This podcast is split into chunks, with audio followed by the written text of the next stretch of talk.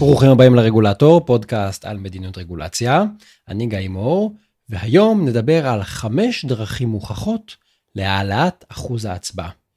הפרק הזה מוקדש למערכת הבריאות הבאה עלינו, לטובה או לא, זה לשיקולכם כמובן, ובואו נדבר על מה אנחנו יכולים לעשות אם אנחנו רוצים יותר השתתפות דמוקרטית במערכת הבחירות.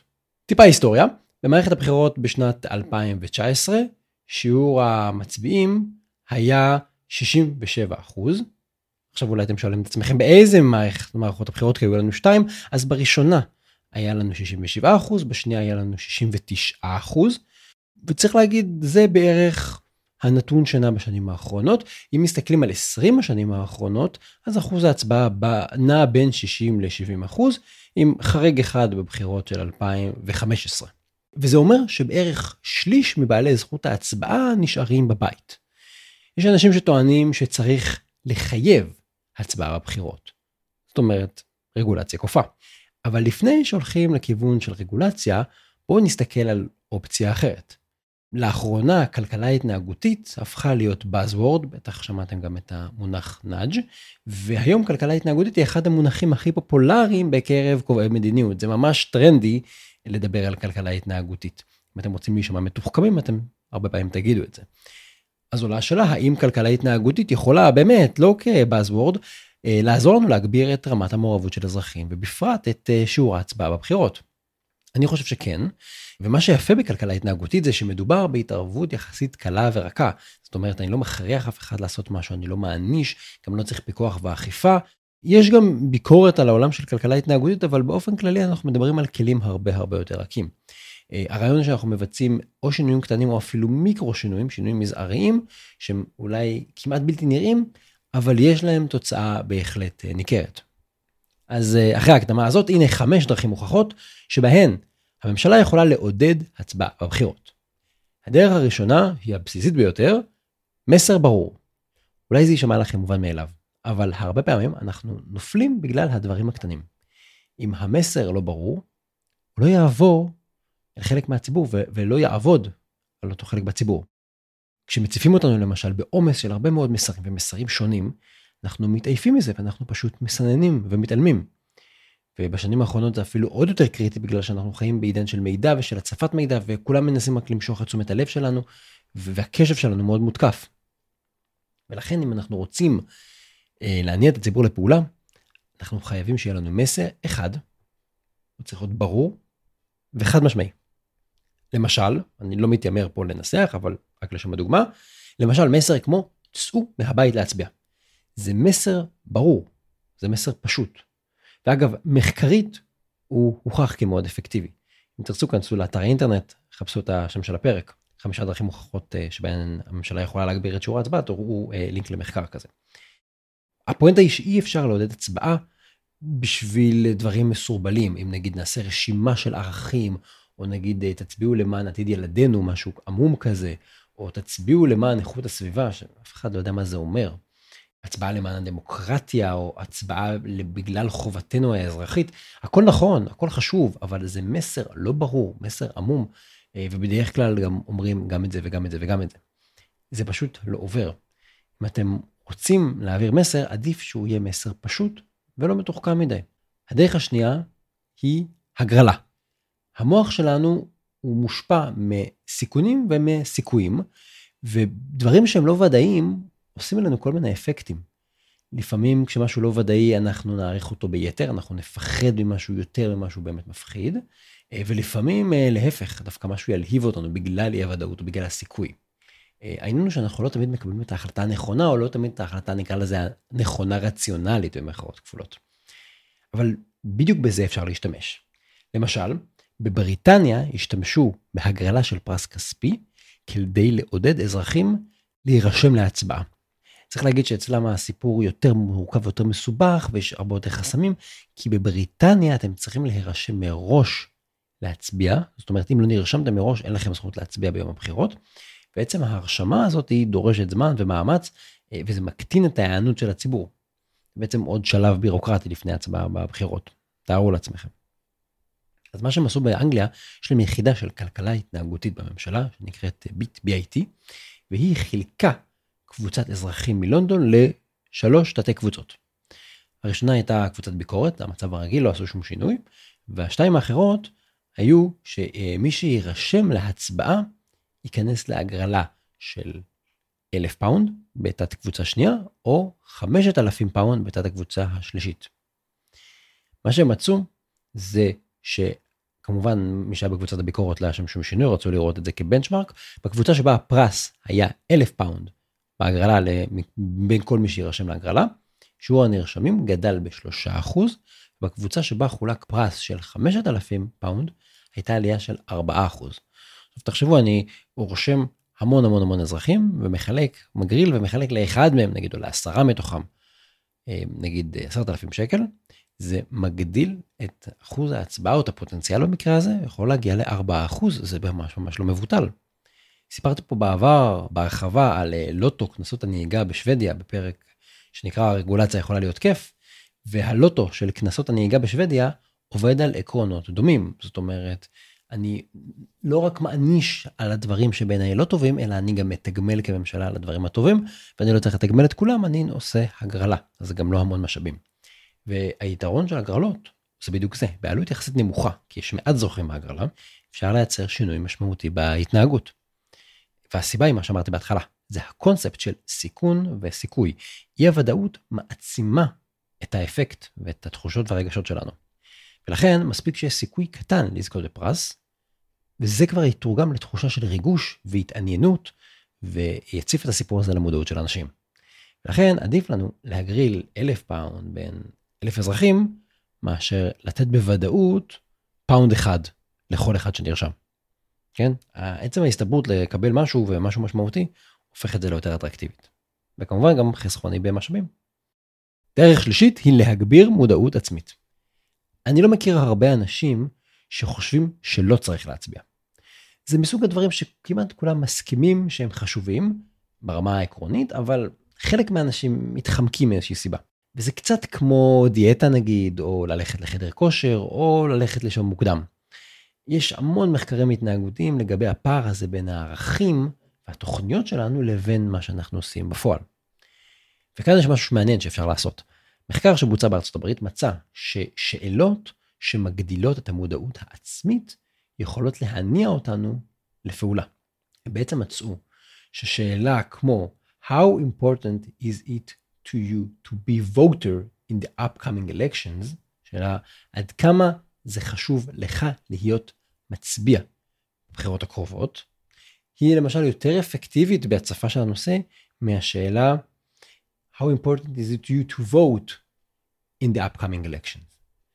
זאת אומרת, ברגע שאנחנו שואלים אותך, לא מה הפעולה שאתה עושה, אלא על מי אתה, כן, נגיד את זה בעברית, אם נשאל אנשים עד כמה חשוב לך להיות אזרח שמצביע בבחירות הקרובות, או אם נשאל אנשים עד כמה חשוב לך להצביע בבחירות הקרובות, זה יותר מציף את זה למודעות. אנשים רוצים לחשוב על עצמם כאנשים שמצביעים, וזה מניע אותם לפעולה.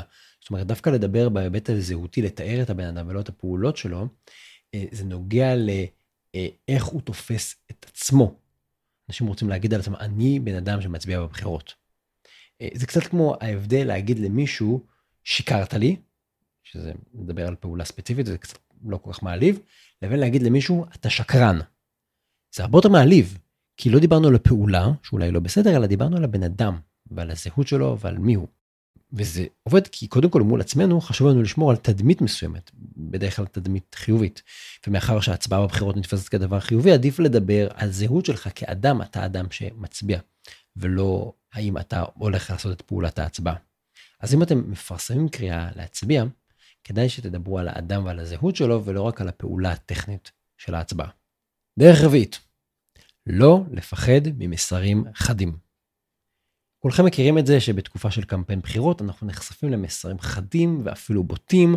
התקשורת כמובן מסקרת את זה בהרחבה, אה, וכל מה שאנחנו שומעים זה בעד ונגד, אנחנו והם, אה, ו- ומה לא בסדר עם ההוא. אה, מסרים מורכבים ומתונים פחות עוברים בתקופה הזאת. אבל דווקא כשקוראים לנו להצביע, השפה היא תמיד מאוד ממלכתית ומאוד רכה, ואפילו אפשר להגיד אולי מכובסת אולי תגידו, או משעממת. ולכן זה לא עובד. בטח שזה לא עובד בגלל הדיסוננס שכל הזמן שמסרים נורא נורא חדים, ואז יש איזה משהו נורא פרווה. אמ, אז אני רוצה לתת לכם דוגמה שצוות הביט הבריטי ביצע בעיר אה, הול. זאת עיר שחיים בה כמעט 300 אה, אלף איש, אה, זאת אומרת משהו כמו 10,000 בתי אב. העירייה שם שולחת לכל בעלי זכות ההצבעה הזמנה להירשם ולהצביע בבחירות. ומחקר מקדמי מצא שהרבה אנשים שמקבלים את המעטפה פשוט מתעלמים ממנה, הם אפילו, אפילו לא פותחים את המעטפה. אז מה זה משנה מה כתוב שם? אז במסגרת הפרויקט שהעירייה עשתה עם יחידת הביט, אה, הם הסירו מהמעטפות את כל המסרים הדמוקרטיים, הממלכתיים, על חשיבות ההשתתפות, כי תמיד היה כתוב על המעטפה משהו כמו כל קול קובע או משהו כזה. במקום זה הם הדפיסו על המעטפות את הכיתוב הבא, והאותיות היו, או חלקן בקפיטל לטרס, בעיות גדולות. Do not ignore this message. זה באותיות גדולות, ואז כתוב, If you live here, then legally you need to respond to this letter. או מדרגים את רגע לעברית, באותיות גדולות כתוב, אל תתעלמו מהמעטפה הזו. אם אתם חיים כאן, אתם חייבים חוקית להגיב למכתב הזה.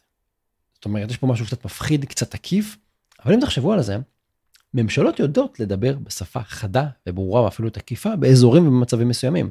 למשל, כשאתם צריכים לשלם מיסים, או כשאוכפים לכם רגולציה, אז לא אומרים לכם משהו ממלכתי וכללי, אומרים לכם, אתה נדרש לפי פקודת המיסים לשלם. יכול להיות שצריך להשתמש במסרים יותר ברורים וחדים, שהממשלה יודעת לתקשר, גם לגבי פעולות דמוקרטיות כמו הצבעה בבחירות, או אפילו כדי לפתוח את המעטפה ששלחנו לאזרחים. אז לא לפחד ממסרים אה, חדים, שוב, בגבולות הסביר. דרך חמישית, להשתמש בטכנולוגיה, אבל לעשות את זה בחוכמה. אחד הקייסים הכי מפורסמים בכלכלה התנהגותית זה שבתיאום תורים לרופא, אז אנשים קובעים תור, אבל לא מגיעים, מה שנקרא no show, ואז יש פה בזבוז של המשאב של הזמן של הרופא, כי הוא מחכה אבל אף אחד לא מגיע. במקום התור הזה שלא יתקיים, אני יכולתי להגיע, אבל במקום זה אני צריך לחכות עכשיו שלושה חודשים. אז אה, מה שעושים אה, בקייס הזה, זה שפונים לאנשים שכבר קבעו תור לרופא, כדי לוודא שבאמת מגיעים ולעודד אותם להודיע ולבטל את התור, הם לא מתכוונים להגיע לתור. נשמע לי שזה כנראה מוכר לחלקכם, עושים את זה קצת בארץ.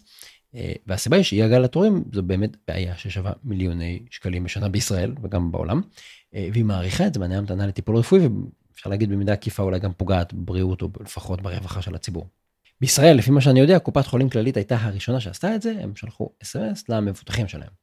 ואתם מכירים את זה גם uh, מכיוון אחר קצת עם uh, מפלגות שמשתמשות בהודעות אס.אם.אס, לפעמים באופן מוגזם ומעיק, uh, והמפלגות שולחות לכם אס.אם.אסים כדי לעודד אתכם או להצביע להן, או באמת להגיע לקלפי ביום הבחירות.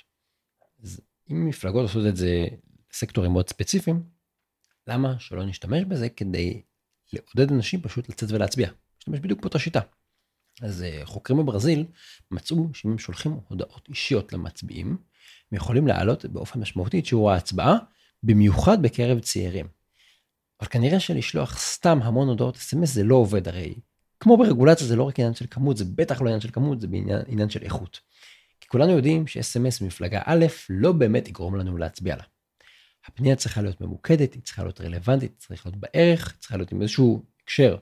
אם אני ימני ופונה להם מפלגה מהשמאל, זה כנראה לא ישנה הרבה. אה, זה לא יעבוד.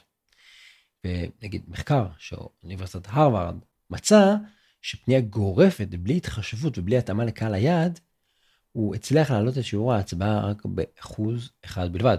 כמו שאמרתי פה, זה לא כמות, זה לא להציב בכמות ה-SMSים ולא בכמה להזכיר, כי אנשים פשוט יפלטרו את זה, זה עניין של איכות. זאת אומרת, אנחנו צריכים לפנות לאנשים בצורה חכמה ולא סתם להציף אותם. אז טכנולוגיה זה רק ההתחלה וזה החלק הקל. אגב, יש עוד סיבה שהפנייה צריכה להיות ממוקדת ושעדיף לנו לשלוח קצת הודעות מאשר הרבה, וזה ספאם. הרי התחלתי בלדבר על זה שבעידן המידע כולנו מוצפים בהמון המון מסרים. ולא משנה מה המסר, כמה הוא ראוי, או כמה הוא חשוב, אם המסר מרגיש כמו ספאם, אז אנחנו פשוט טובעים בים המסרים ואנחנו נתעלם ממנו עוד יותר. אז אלה היו בעצם חמש דרכים להשתמש בכלכלה התנהגותית כדי להעלות את אחוז ההצבעה. דיברנו על מסר שהוא ברור ופשוט, דיברנו על שימוש בהגרלות, דיברנו על להגביר מודעות עצמית באמצעות שאלות על הזהות, ולדבר על הזהות של המצביע ולא על הפעולות. דיברנו על לא לפחד ממסרים חדים וברורים שממשלות יודעות להעביר, ובסוף על להשתמש בטכנולוגיה אבל בצורה חכמה ומוקדת, שהפנייה תהיה איכותית ולא במסה כמותית. כל השיטות האלה נוסו במציאות, והן עבדו.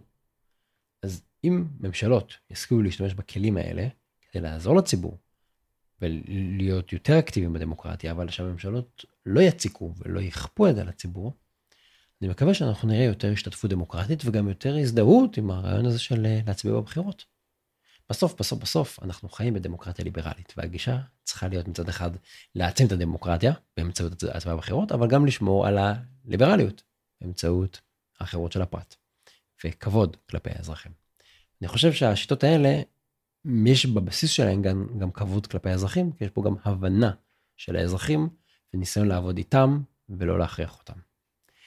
אז אה, שיהיה בהצלחה לכולם. אני מקווה שתצאו להצביע בבחירות, ואני מקווה שאתם אזרחים שמצביעים בבחירות. תודה רבה לכם, זה הכל להיום. אתם מוזמנים להיכנס לאתר האינטרנט רגולטור אונליין, יש שם את הפרק עם המקורות וההפניות למחקרים השונים שהזכרתי. אתם מוזמנים לעקוב גם בפייסבוק ובטוויטר ובלינקדין ובטלגרם, יש לנו אה, ערוץ הרגולטור, וכמובן להמליץ לחבר או לחברה על, ה... על הפודקאסט, על הפרק הזה או על פרק אחר. אני גיא מור, והתכנים משקפים את דעותיי בלבד.